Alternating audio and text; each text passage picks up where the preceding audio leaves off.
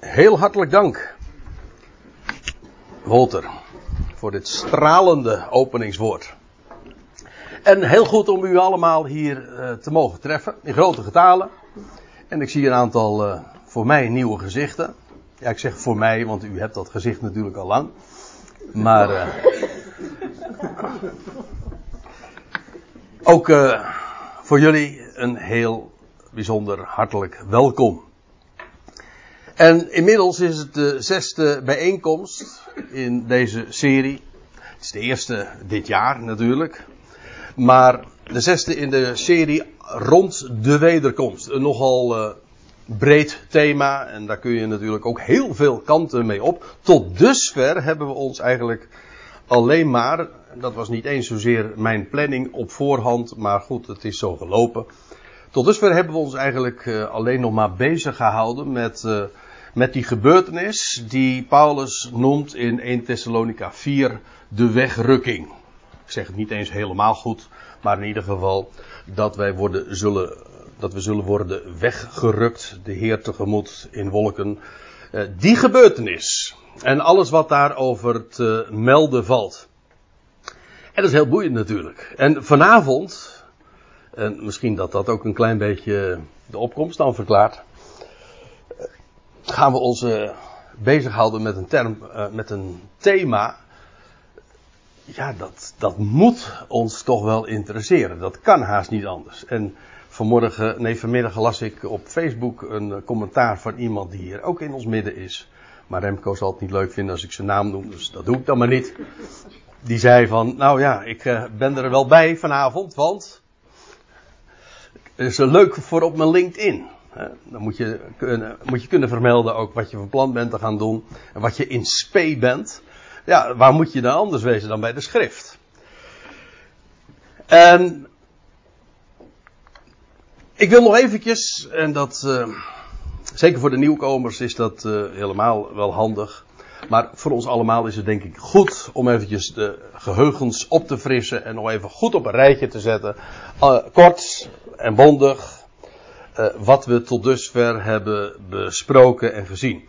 In de eerste plaats over de reeks van momenten. Dit was eigenlijk het onderwerp van de eerste avond. Over de reeks van momenten. Uh, die worden genoemd in verband met de wegrukking. Uh, dat vind je dus allemaal in 1 Thessalonica 4. Het roepen van de aartsengel. Ik zeg de aartsengel omdat de schrift er maar één kent. En we kennen hem ook nog bij naam, maar dat is dan niet in 1 Thessalonica 4 maar zijn naam is Michael. Dat is het eerste wat dan genoemd wordt door Paulus. En hij refereert dan, en dat hebben we ook uh, tamelijk uitgebreid uh, nog weer bezien.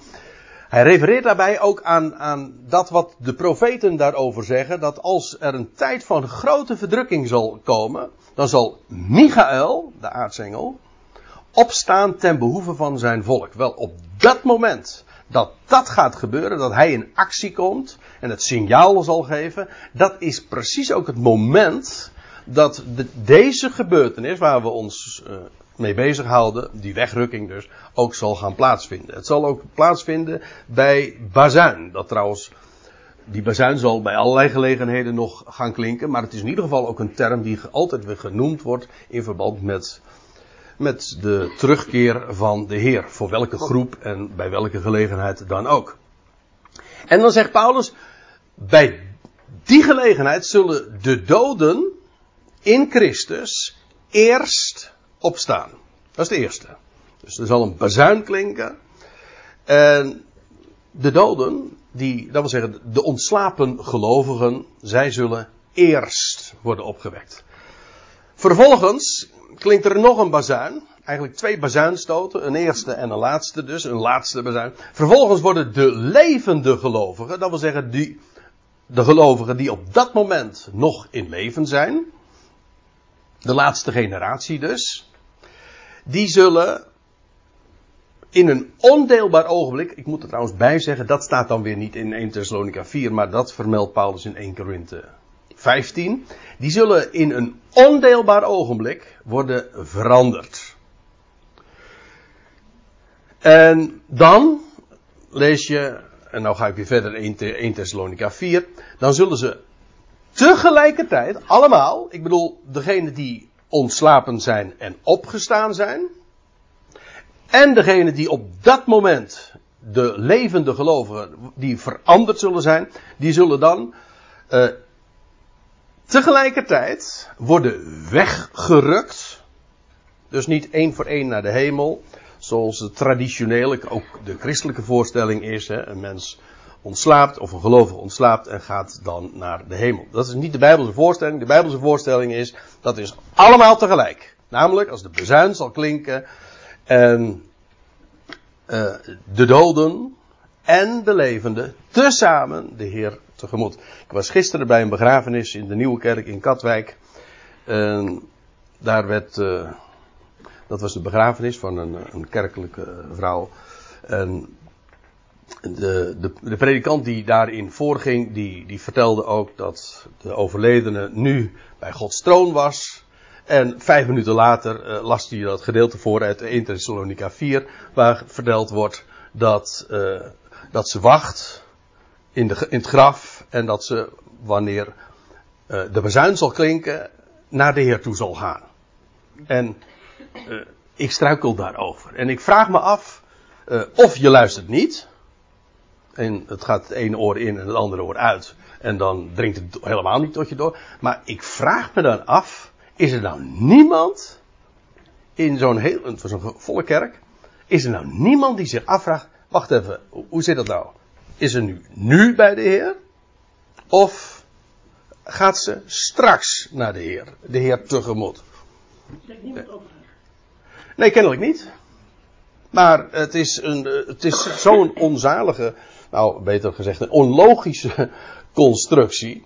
Uh, en het is, het belangrijkste is, de schrift zegt het ook helemaal niet. Dus de dood is niet een andere vorm van leven. Nee, de doden zijn inderdaad dood. Of zo u wilt, in slaap. Dus er is niks dramatisch aan. Ze, ze slapen, ze zijn zich van niets bewust. En als de bezuin klinkt, dat moment, dan zullen ze worden gewekt.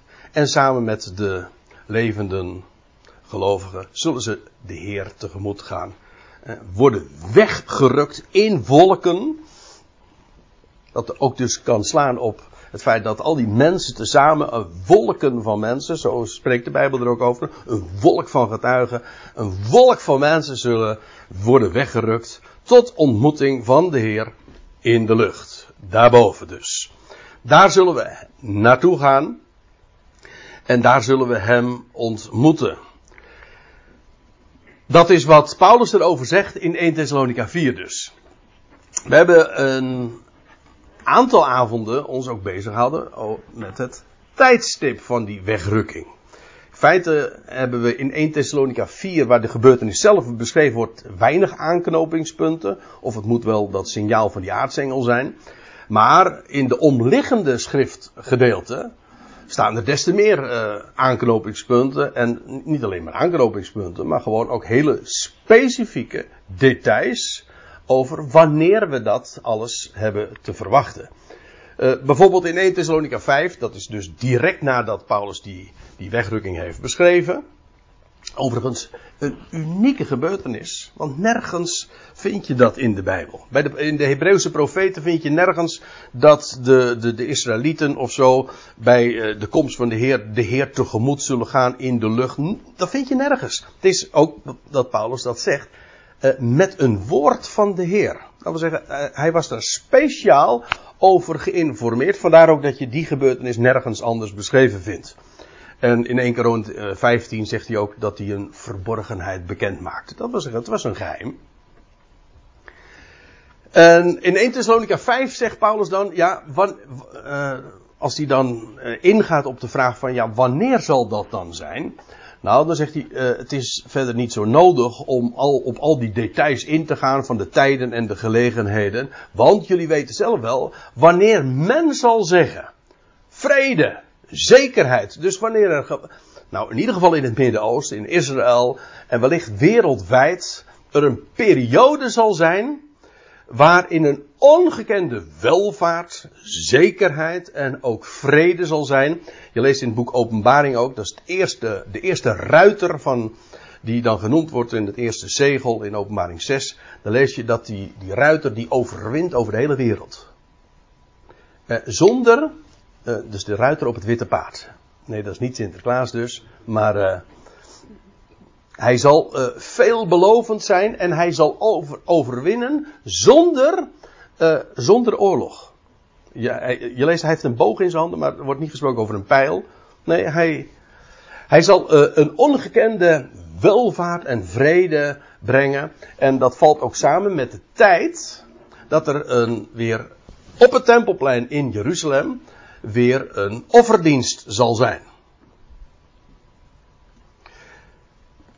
En dat betekent dus dat er op het tempelplein, daar uh, wordt de offerdienst weer hersteld. Er zal ook weer een, in welke vorm dan ook, en welke locatie precies ook, zal daar weer een tempel zijn. En ja, dat kun je misschien nu nog nauwelijks voorstellen, maar het Jodendom is daar druk mee in de weer om dat inderdaad te gaan realiseren. En dat gaat binnenkort ook gebeuren. Kan niet missen. De tijd is in ieder geval op handen. En uh, dat lijkt me in dit verband even genoeg om daarover uh, te zeggen. Maar in ieder geval, als iedereen zal zeggen vrede en zekerheid, dan zal hen die dag, waar Paulus zojuist over gesproken had, overvallen als een dief in de nacht. Het is, het is een wat uh, vreemde beeldspraak, hè? Die dag zal hen overvallen als een dief in de nacht. Maar zo zegt Paulus dat. Dus, in omst wanneer zal die wegrukking zijn? Dan noemt Paulus geen datum of zo, maar dan zegt hij: Jullie weten wanneer het zal zijn, als iedereen zal zeggen vrede en zekerheid, dan kunnen wij gaan aftellen. Dan weet, nou gaat het gebeuren. Of nu kan het niet lang meer duren. We zullen dat dus nog meemaken, die periode. En dan zal een plotseling verderf uh, over de wereld komen. En in ieder geval, nou ja, daar hebben we het ook wel over gehad. In de eerste plaats ook over Israël. En uh, als, uh, zo, het wordt dan ook genoemd en vergeleken met als de weeën een, een zwangere vrouw. Die wegrukking wordt ook genoemd een uitredding, dat is 1 Thessalonica 1 vers 10, een, uh, daar waar we lezen over dat de, de Zoon van, van God uit de hemelen verwachten, die ons zal uitredden uit de komende toorn. Dus terwijl de toorn eraan komt, zal de Zoon van God komen en hij zal ons uitredden, evacueren, ons behoeden uit die, die toren die eraan staan te komen. En we hebben uh, ook, uh, nou ja, ja, vooral de vorige keer ook, de, uh, in december was dat, hebben we ons bezig gehouden met de, die draak in openbaring 12, hè, waar je leest dat die, als die op de aarde geworpen zal zijn, Nee, uh, dat die draak het ook gemunt zal hebben op die mannelijke zoon. Ik zie sommige mensen nu kijken van, waar heeft hij het ook weer over? Ja, sorry, dan hadden jullie al die vijf andere bijeenkomsten er ook maar moeten zijn. Uh, dat is geen verwijt hoor. Maar uh, ik kan dat verder nu even niet uitwerken, maar beluister dat allemaal nog maar eens. Dat is een goede tip, nietwaar, Tony? Ja. in ieder geval, over die toren gaat het. Want vergis u niet, als die, uh, als eenmaal uh, de gemeente van deze aarde, die mannelijke zoon van de aarde zal worden weg, zijn weggerukt, dan zal er uh, hier op aarde een afschuwelijke tijd gaan aanbreken. Nou, dat wordt ook inderdaad die toren genoemd. In ieder geval van de draak, de duivel die op de aarde zal zijn geworpen. En trouwens ook van die twee getuigen die zullen optreden. Afijn, waarom ik dit er even bij zeg. Het is een uitredding uit de komende toorn. Dat betekent dus. Die toorn. Die dan uh, zal losbarsten. Vanuit een positieve en een negatieve zijde. Ik bedoel van de draak, maar ook in feite van die twee getuigen die zullen gaan optreden. Die is niet bestemd voor de gemeente. Nee, die wordt daar uitgered. Voor een speciaal doel. Niet om om ze vakantie te geven of zo. Terwijl het uh, zo van, nou ja jongens, jullie zijn zulke brave mensen. Uh, of jullie zijn zo halfzacht. Jullie kunnen daar niet tegen. Nee, maar daar komen we straks nog even op. Eén ding moet je zien. Ze zullen worden uitgered uit die komende toorn. En staat er, hebben we ook gezien. En daar hebben we ook een hele avond aan gewijd. Dat was wel een heel nieuw gezichtspunt. 2 Thessalonica 2. Dat er gesproken wordt over de afstandneming. Helaas, uh, meestal weergegeven met de afval. Ja, maar het is geen afval. Uh, nou ja, het woord wel misschien. Sorry, uh, mag ik niet zo zeggen. Maar nee, het woord is niet goed. Het is gewoon de afstandneming en dat gaat concreet over het vertrek. Eerst moet onze afstandneming plaatsvinden. Want dat is dat, die wegrukking. Daarin nemen wij afstand van. En dan zal de onthulling plaatsvinden van die mens der wetteloosheid. En dan zal hij zich neerzetten in de tempel, et cetera. En, maar daar had ik het al even over, openbaring 12, daar hebben we ook uh, ja, links en rechts en al bij verschillende gelegenheden bij stilgestaan. Eerst die mannelijke zoon wordt weggerukt, dat is een beeld van Christus en de gemeente, hè, hoofd en lichaam. En als die wordt weggerukt tot God en zijn troon, weet je ook meteen waarom die mannelijke zoon weggerukt wordt. Omdat hij bestemd is voor de troon. Daarom. En als die mannelijke zoon wordt weggerukt, dan lees je, wat gebeurt er dan met de, de moeder, met die vrouw? Linea recta vlucht ze naar de woestijn, al waar haar een plaats is van God bereid, waar ze 1260 dagen zal worden verzorgd.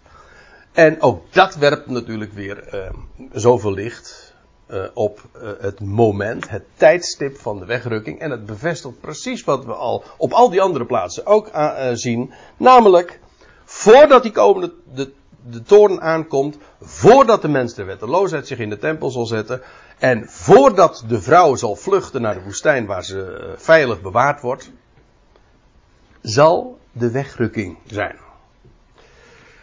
Nou, dat zijn wel uh, de belangrijkste redenen om, uh, om, die, om dat moment ook te kunnen, kunnen plaatsen.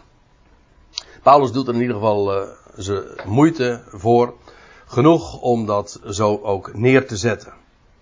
Ik, ik wil er trouwens ook nog even bij zeggen. Dat betekent dus ook dat niet alleen die mannelijke zoon, Christus en zijn lichaam, de Ecclesia, in veiligheid worden gebracht. Maar ook die vrouw. Een gelovig overblijfsel van Israël, want als er dan, als die gemeente zal zijn weggerukt, dan wordt er een, een afgodsbeeld op het tempelplein van Jeruzalem geplaatst. En dat is het laatste moment ook. Op dat moment moet men vluchten naar de woestijn. En daar vinden ze dan ook inderdaad een plaats. En daar wordt die vrouw, alle mensen die daar, alle Israëlieten die daarheen zijn gevlucht, die worden daar keurig 1260 dagen, in, te midden van alle tumult van de draken, zoals de Bijbel dat ook beschrijft, zullen zij daar veilig worden bewaard en bewaakt. En een onderduikadres dus treffen. Dus als je vraagt van, ja, uh, uh, maken zij de grote verdrukking mee? Nou, feitelijk niet. Nee, want ze zijn, hebben een onderduikadres en zij worden daar keurig uh, verzorgd. En ze hebben daar hun eten en hun drinken.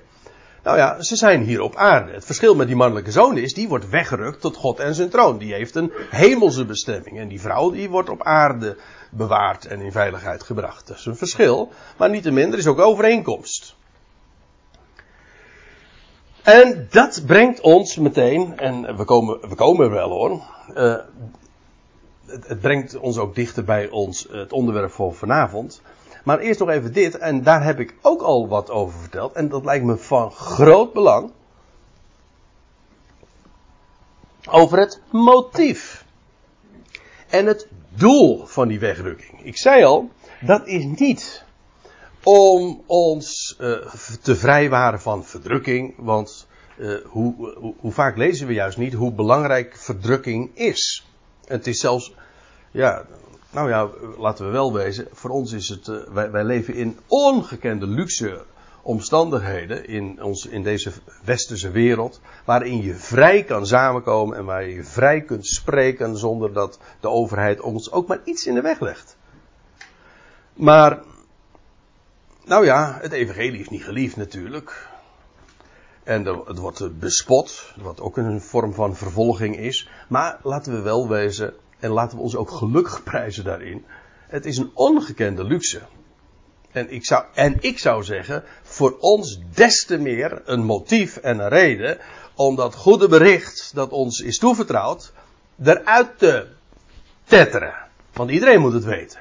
En wat staat ons in de weg? Dus ja, dat, uh, dat lijkt mij uh, de beste manier om, dat, uh, om, om zo'n gelegenheid ook aan te grijpen. Nee, maar het is niet, wij worden niet weggerukt omdat de Heer ons wil behoeden voor verdrukking. Dat is het helemaal niet. En ik denk wel eens een keer dat er een heleboel mensen zijn die, uh, als, je dan, als het dan gaat over de opname, dat woord vermijd ik altijd maar een beetje.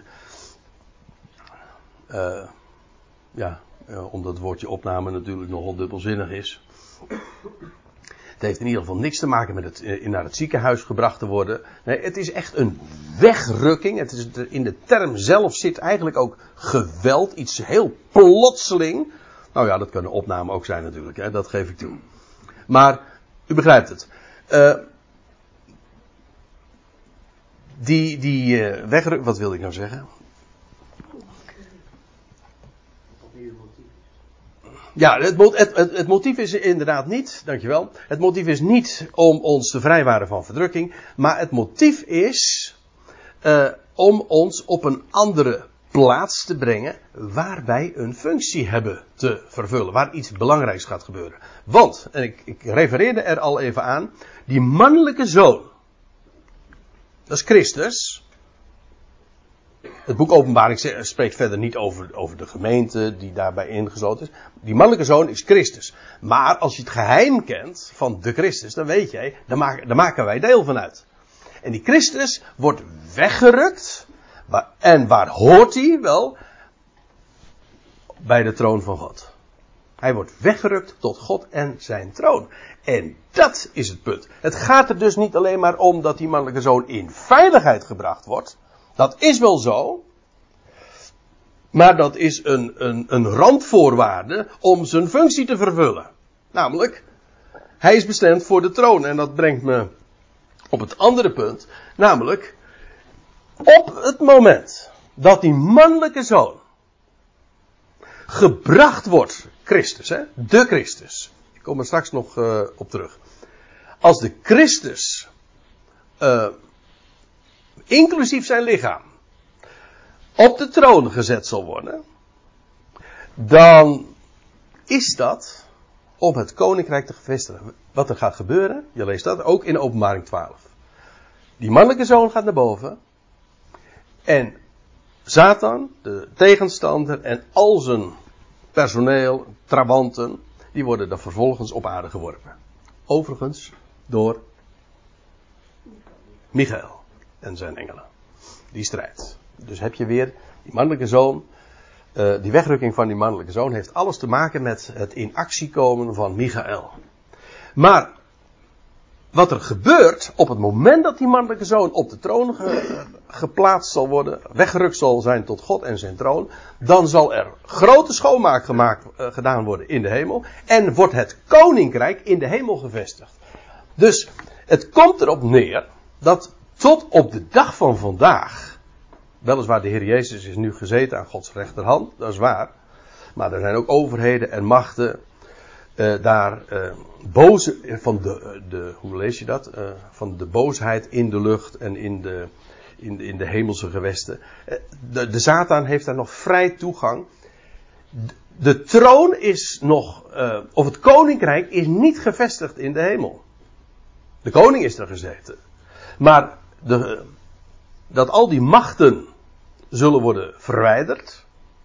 Dat vindt pas plaats als die mannelijke zoon daar naar de troon is geëvacueerd, om zo te zeggen, of geplaatst. Zijn, uh, zijn plaats gaat innemen. Dat betekent dus, het koninkrijk begint in de hemel. Dan. Wanneer begint het koninkrijk? Wanneer de mannelijke zoon daar op de troon gezet is. En dat kan niet voordat wij als complement, als aanvulling van Christus, als zijn lichaam, daar zijn gezet. Dus, om te beginnen, de eh, het koninkrijk wordt gevestigd in de hemel en vervolgens, eigenlijk heel logisch, het is gewoon top-down. Het is hiërarchisch. Eerst in de hemel en vervolgens op de aarde. Zoals het koninkrijk, als het eenmaal op aarde gevestigd zal zijn, begint het in Jeruzalem. En dan vervolgens vanuit Jeruzalem zal vanaf zijn troon vestigt de zoon zijn heerschappij. Ik geef toe, het is een lied, maar het is precies wel wat de schrift, daar, zoals de schrift dat ook beschrijft. Eh, die kringen van heerschappij wordt steeds groter. En begint bij, bij, bij de kop, zeg maar, en het eindigt bij de staart. In ieder geval, in de hemel wordt het koninkrijk gevestigd en Satan en consorten worden op de aarde geworpen. En dan staat er ook wee de aarde. Wee de aarde en het land, want de draak is in grote grimmigheid, toren, uh, op de aarde geworpen. En, uh, en die zal, juist ook omdat hij weet dat zijn tijd zeer kort is. Dus, dat is belangrijk. Die Ecclesia, die is bestemd voor de troon. En daarom vindt die wegrukking plaats om het koninkrijk te gaan vestigen in de hemel. Daarom. Dus uh, het eerste antwoord op de vraag is: wat gaan we straks doen? Zou u misschien eh, graag horen van, nou, dan gaan we eindelijk vakantie houden. Ik zie er enorm naar uit. Naar wat, er, wat we straks gaan beleven. Al was het maar omdat het echt spannend is, want je kun je er toch eigenlijk ondanks alles wat we erover uh, geïnformeerd worden, waarover we geïnformeerd worden in de schrift, kunnen we ons er toch eigenlijk nauwelijks nog een voorstelling van vormen.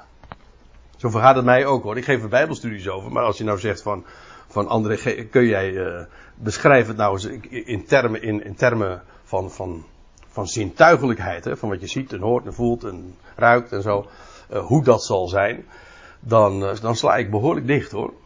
Want dat weet ik niet. Ik denk maar bij mezelf, uh, probeer maar eens een keer aan een, aan een waterkever te vertellen wat het is om een libelle te wezen.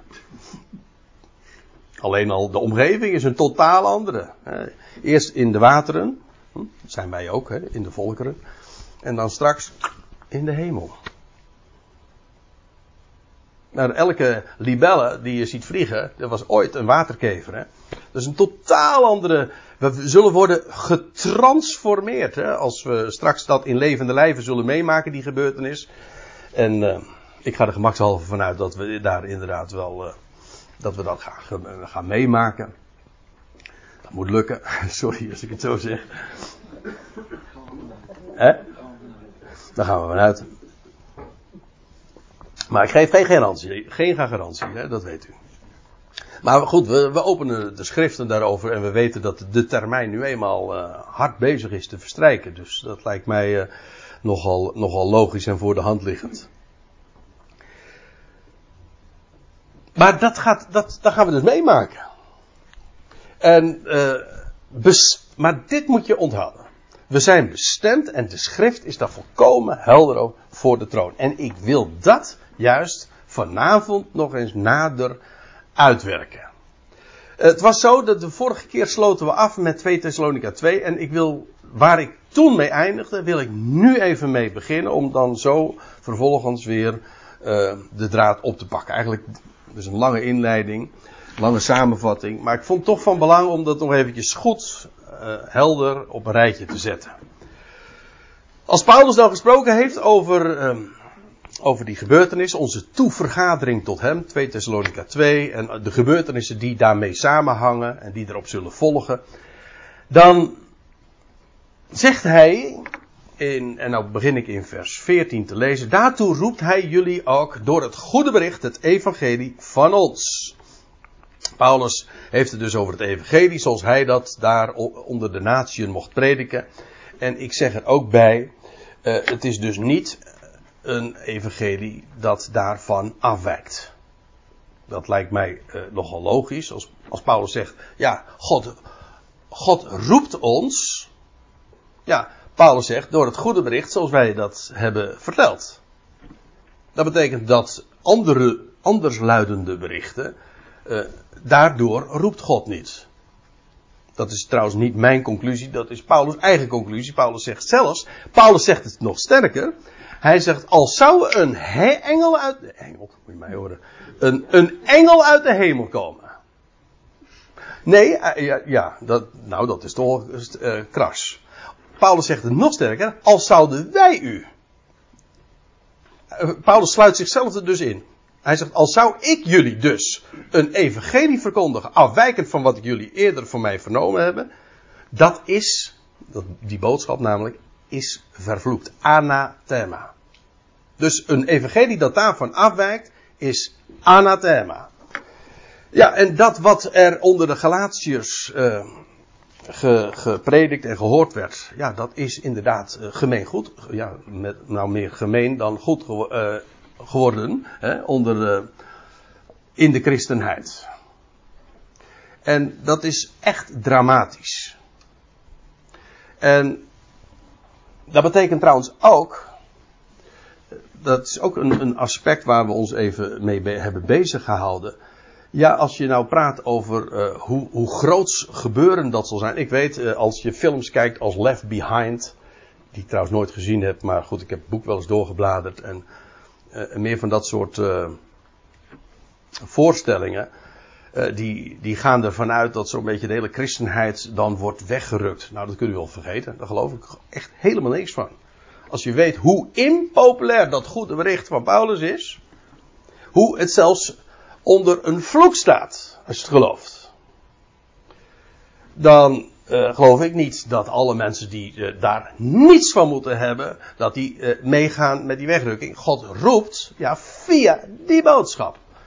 Dus zo massaal zal dat echt niet zijn als u mij vraagt, als heel graag het zo wordt voorgesteld. Kijk, het goede bericht is geweldig. Weet u waarom? Omdat God de redder is van alle mensen. Alle mensen. Dat is juist het goede bericht. Dus wij kunnen dit ook ja, met, een, met een opgeheven hoofd ook zeggen. Dus ook de achterblijvers, God is ook hun redder. Maar ga niet de fout maken van uh, dat, dat, uh, dat heel veel mensen zullen, uh, zullen worden weggerukt. Alles, alles wat zich religieus noemt of alles wat zich christelijk noemt. Nee, welk evangelie redt? Dat is die, dat werkelijke evangelie, namelijk de boodschap dat hij in zijn zoon Christus Jezus de redder is van deze wereld. Dat is het evangelie.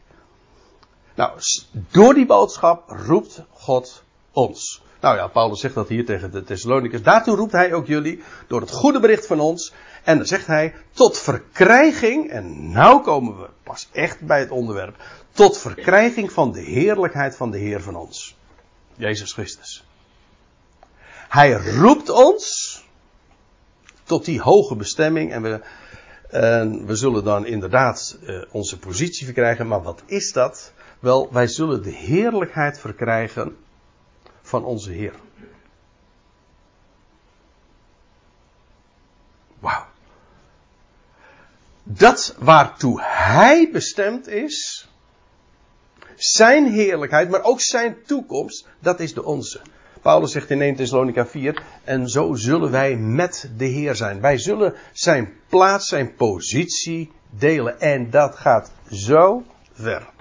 En ja, waar moet je wezen om dat, daarover geïnformeerd te worden? Dan moet je inderdaad bij, bij de apostel Paulus wezen, want die heeft daar zulke geweldige geheimen over bekendgemaakt. De waarheid dat wij deel uitmaken en gaan maken van de heerlijkheid van onze Heer. Zijn glorie is de onze. En wat is zijn glorie? Dat is eigenlijk de vraag die je dus moet stellen. Als je zegt van tot verkrijging van de heerlijkheid van de Heer van ons, ja, dan moet je dus eerst weten wat is die heerlijkheid van de Heer van ons? En hoe ver strekt dat dan? Is dit een overdrijving?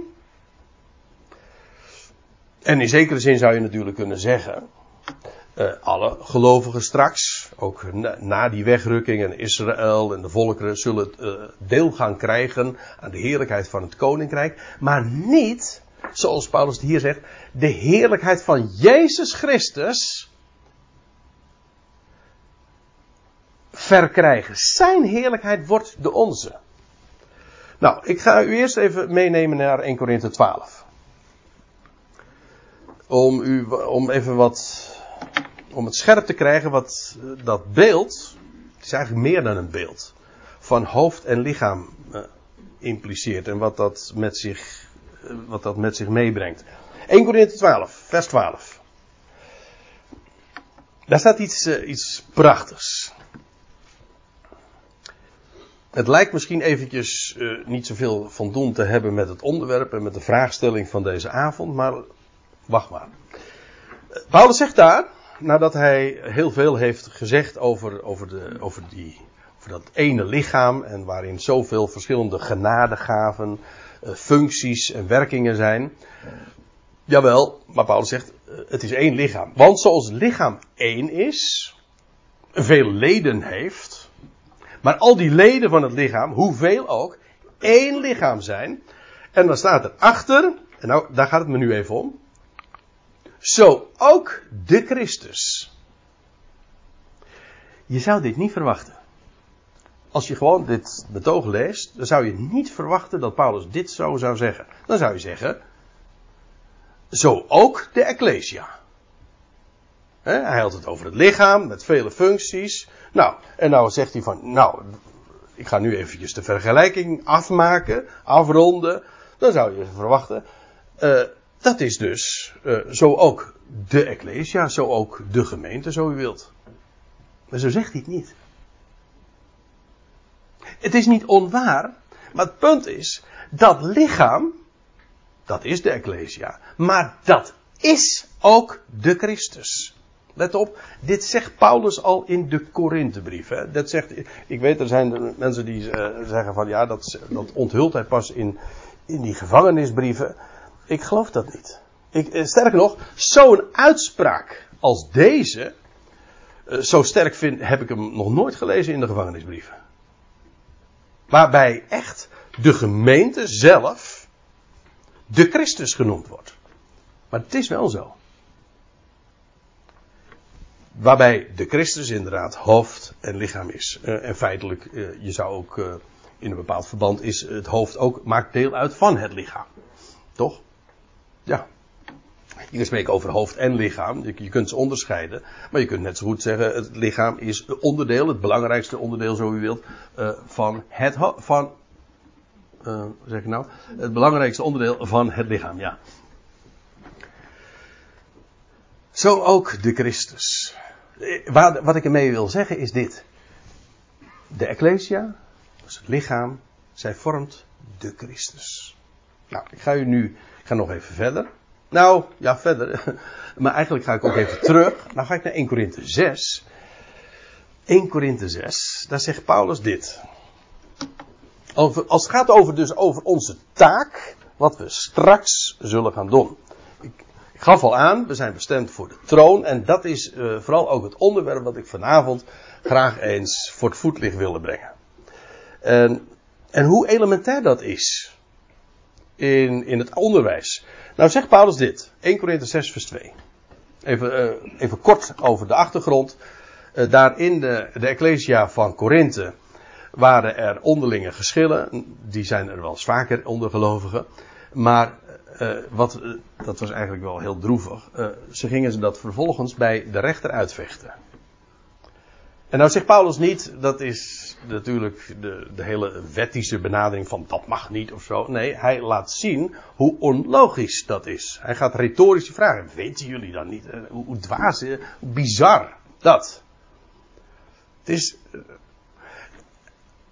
En zo, zo, zo zet hij dat dan ook in. Of weten jullie niet dat de heiligen, hè, God, degene die God vandaag apart stelt, dat is wat heilige per slotverrekening betekent. Of weten jullie niet dat de heiligen de wereld zullen oordelen? Het louter feit dat Paulus dit zo als een retorische vraag neerlegt, geeft aan dat dit dus hoorde bij zijn basisonderwijs. Het is geen voortgezet onderwijs. Trouwens, dat eh, wilde Paulus uh, wel graag aan die Corinthiërs kwijt, maar hij zegt, dat is weer een paar hoofdstukken eerder, uh, jullie zijn nog eigenlijk aan de melk. En vast spijs konden jullie nog niet verdragen. Maar bij die melk die hij hen had gegeven, jullie zijn zuigelingen, zegt hij. Onmondigen. En dat, dat is, klinkt in dat verband niet als compliment. Maar dan, het geeft in ieder geval aan dat bij dat basisonderwijs dat Paulus hen had gegeven, in ieder geval ook lag besloten dat ze wisten, vandaar ook dat Paulus hen daaraan herinnert, dat de heiligen, degene die God vandaag apart zet, de wereld zullen oordelen. Zoals rechters uh, een oordeel uitspreken, of trouwens niet alleen de rechtbank, maar in het algemeen degene die heersen, uh, de troon, uh, in de, degene, daar waar het bestuur geregeld wordt. in feite het besturen van een land of een volk of van een heel van welk uh, domein dan ook, is in feite niks anders dan oordelen. Voortdurend keuzes maken en besluiten nemen. Dat is oordelen. Dus misschien zitten wij met nog een beetje te, veel of te gemakkelijk met Calvinistische bril dat woord oordelen te lezen. En dan denk je al heel gauw in de termen van veroordeling.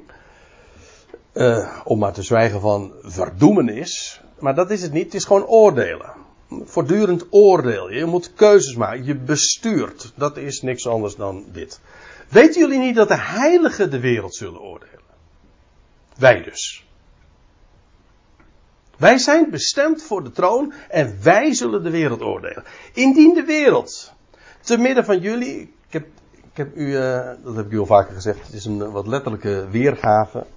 Uh, dus wijkt een klein beetje af van de MBG of Statenverdaling die u uh, voor u hebt wellicht. Maar Paulus zegt dan, en indien de wereld te midden van jullie wordt geoordeeld, dat wil zeggen onder jullie, straks, zijn jullie dan onwaardig voor de minste rechtbank? Dat vind ik helemaal leuk. Uh, zij gingen naar de rechtbank, dat was de hoogste instantie waar zij naartoe konden gaan. En nou zegt Paulus, kijk er zo op neer, dat zijn maar inferieure rechtbankjes natuurlijk. Hè? In onze optiek dus in de optiek van degene die bestemd zijn voor de troon, hè, om de wereld te oordelen. Hier staat gewoon het woordje kosmos. Ik laat dat even in de, in de meest brede zin nu opvatten. Gewoon, wij zijn bestemd voor, de, voor het beoordelen en het richten van, of zo u wilt, het besturen van de wereld. Op het hoogste, ik bedoel daarmee ook op een hemels niveau. Maar dat is waar wij toe bestemd zijn. En dat betekent dat, en nou spreekt Paulus even tegen de Corinthiërs, die rechtbank waar jullie naartoe gaan. Uh, dat, zijn, dat zijn de minste rechtbanken. Hij zegt, indien de wereld te midden van jullie straks wordt geoordeeld, zijn jullie dan onwaardig voor de minste uh, rechtbanken? Met andere woorden, uh, jullie hebben zo'n bestemming. Jullie zijn zo'n ja, we zijn van koninklijke bloeden. Nou, bloeden is misschien niet het juiste woord. Maar dat is waar we voor geroepen zijn. Tot het richten van de wereld. En, zegt Paulus, dat is onze waardigheid. Ik weet niet of u er ooit zo uh, bij, bij stilstaat dat als je in de wereld rondloopt en zegt van, nou ja, nee, ik bedoel, er is helemaal geen enkele reden voor om daar uh, met een opge, heven neus zo uh, te snoeven en zo van. Maar het is wel zo. Dat is de andere kant van het verhaal. We verdienen niks. Maar als je uh, er even over doordenkt waar we toe bestemd zijn. Wauw man. Daar, kan geen, daar kan geen, geen autoriteit in de wereld. Of je nou de president van, van Rusland of van Amerika bent het is niets ten opzichte van de positie die ons is gegeven. Ik bedoel dat ook heel concreet. In de termen van het bestuur waar wij toe geroepen zijn. Dus ja, hoe krank Jorum is het, als het mij vraagt, om het dan als gelovigen dan onderling, dan hebben ze dus echt nog helemaal geen snars van begrepen. Als gelovigen onderling naar de rechtbank gaan om, om dan een rechter uh, uitspraak te laten doen over, over jullie uh, aangelegenheden. Terwijl, terwijl wij straks zelf bestemd zijn voor die plaats. Nou ja, ik, ik hoef dat toch verder niet uit te leggen, dat is bizar. Of weten jullie niet, Paulus gaat verder, weten jullie niet dat wij engelen zullen oordelen? Hij heeft het inderdaad hier over hemelse boodschappers. In feite gaat dit nog verder. Hè? Niet alleen de wereld hier beneden, maar wij, de Korinthe. Dus dat betekent trouwens ook het feit dat Paulus zegt, of weten jullie niet? Ook dat hoorde dus bij basisonderwijs van Paulus. Die Corinthiërs waren dus al ook op de hoogte van hun hemelse positie. Waar of niet? Want Paulus zegt, weten jullie niet dat wij, dat wij engelen zullen oordelen? Dus niet alleen maar de dingen hier op aarde, maar zelfs hemelwezens. Dat kan alleen maar betekenen dat wij in positie hen overtreffen en kennelijk ook daar uh, zullen zijn. Maar dan, Paulus zegt, maar dan toch zeker de zaken van dit leven. Leuk trouwens, hij gebruikt hier het woordje biotica. Ja, van antibiotica. Ja, dat is dan tegenovergestelde. Maar de zaken van het leven. Met andere woorden, als dat onze plaats is, lieve mensen, uh, dat geeft. Nou, laat ik het zo zeggen. En dat geldt trouwens niet alleen maar als het gaat over dit soort aangelegenheden waar wij ons nu zo druk over maken en waar we zelfs ruzie over maken. Paulus zegt, laat dat toch zeggen. Juist als je eenmaal een beetje gesnoven hebt aan dat waar we toe geroepen zijn voor de komende ionen, ja, dan ga je toch wel leren te relativeren dat wat hier allemaal speelt. Voor die paar decennia dat we hier zijn, dat zinkt echt compleet in het niet ten opzichte van de heerlijkheid van de Ionen waar wij toe geroepen zijn. En daarin zelfs zo'n enorme prominente plaats in mogen hebben. En dan zo opgaan in al dat gekrioel hier. En uh, mensen. Ja. Kijk, het, het, ligt niet in de orde van, van dat mag niet of zo. Het, het gaat erom eventjes, jongens, in het Engels zeggen dan get real. Word eens, word even wakker. Besef eventjes, uh, ga even dit leven in verhouding zien ten opzichte van de komende ionen. Dan heb ik het nog niet eens over, over, over, over de onvergankelijkheid en daarna. Maar ga het even in die verhouding zien. Dan wordt het allemaal minuscuul belangrijk, onbelangrijk. En vooral als je de heerlijkheid eenmaal gaat zien van straks, dan ga je ook de moeite van nu heel erg relativeren. Paulus zegt in, uh, ik lees even voor. Ik heb hem niet op de dia staan, maar daar moet ik nu even bij uh, over na, over, uh, daar word ik nu even bij bepaald. Daar zegt Paulus dit. Ik lees hem even voor uit de MBG-vertaling. In vers 17 van 2 Korinthe 4. Want de lichte last van de verdrukking, moet je nagaan, hè? Paulus, nou, als er één wist wat verdrukking was, juist de tweede Korinthebrief spreekt er uitgebreid over. Maar Paulus zegt het is een lichte last van verdrukking. Paulus, zou je dan kunnen afvragen. Is dat licht? Ja, zegt Paulus, licht. Dat is licht. Hoezo licht? Nou, kijk, licht en zwaar uh, heeft alleen maar, uh, dat, is, dat is relatief. Dat is altijd ten opzichte van wat? Die verdrukkingen, als wij er naar kijken, die Paulus heeft ondergaan, is nou heel zwaar. Ja, maar Paulus zegt, ik noem het licht.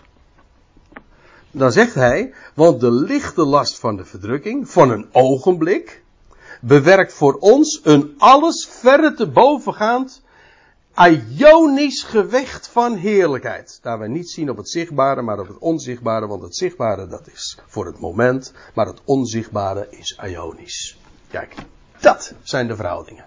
Ik vind dat onvoorstelbaar. Want dan zegt hij de lichte last van de verdrukking en hij noemt het ook nog een ogenblik.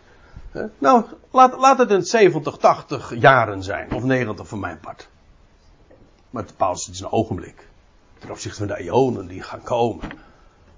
En, en, en legt, laat ik het anders zeggen. Het is eigenlijk een weegschaal. Je legt, de heer, je legt eerst de verdrukking aan de ene kant van de weegschaal. Ja. Nou, dat is heel zwaar hoor. Op zichzelf genomen. En duurt ook heel erg lang, zou je zeggen. Ja, maar nu plaats je even de heerlijkheid, de heerlijkheid aan de andere kant van de weegschaal. Hoe gewichtig dat is. En, hoe, en ook in, qua tijd. Hè. Het ene is, een, is maar een moment. Het andere is ionisch. Uh, dat, kijk, wij denken in termen van, in het beste geval van decennia. Het is maar weinige gegeven om een eeuw te overtreffen. Hè? 100 jaar bedoel ik. Maar Paulus spreekt over ionen, wereldtijdperken. Nou, al legt hij na, plaatst hij tegenover elkaar. In Romein 8 zegt hij het nog sterker. Hij zegt het is niet eens waard om te vergelijken. Het is niet, het weegt, de meeste vertalingen zeggen, het weegt niet op tegen. Nee. Ja, dat is wel zo. Maar dat is, dat, dan geef je nog veel te veel credits aan, aan het lijden. Sorry dat ik het zeg. Hij zegt het is niet waard vergeleken te worden. In Romeinen 8 vers 19 dacht ik. 18. Ja. Het, ja, er staat, in de gebruikelijke vertalingen staat, uh, het is uh, niet, het, het, is, het weegt niet op tegen. Ja, maar het is, er staat letterlijk, het is niet waard. Het is niets waard. Het is, het is niet, het is geen vergelijking. Het is net alsof je legt hier een veertje neer hè, en je legt hier 10.000 ton neer. Dan zeg je van ja, sorry, maar dat is geen vergelijking. Nou, dat is wat Paulus zegt. Kijk, en dat is relativeren. Hè? Je de dingen met elkaar in relatie brengen. Hoe, hoe betrekkelijk het dan ook wordt. Hè? Als je die betrekking gaat zien, dan wordt dit heel betrekkelijk allemaal. Dat wat links is. Ik bedoel, het lijden. Nou ben ik wel heel erg ver afgedwaald van mijn onderwerp. Maar ik vond het wel, ik vind het wel mooi om eraan te denken. Hè? En anders nemen we daar gewoon nog de tijd voor. Per rekening, die hebben we ook. Hè? Nou, dat zeg ik wel. Ja, het is koffie. um, ja, dan gaan, we, dan gaan we straks naar uh, Efeze 1. Ja.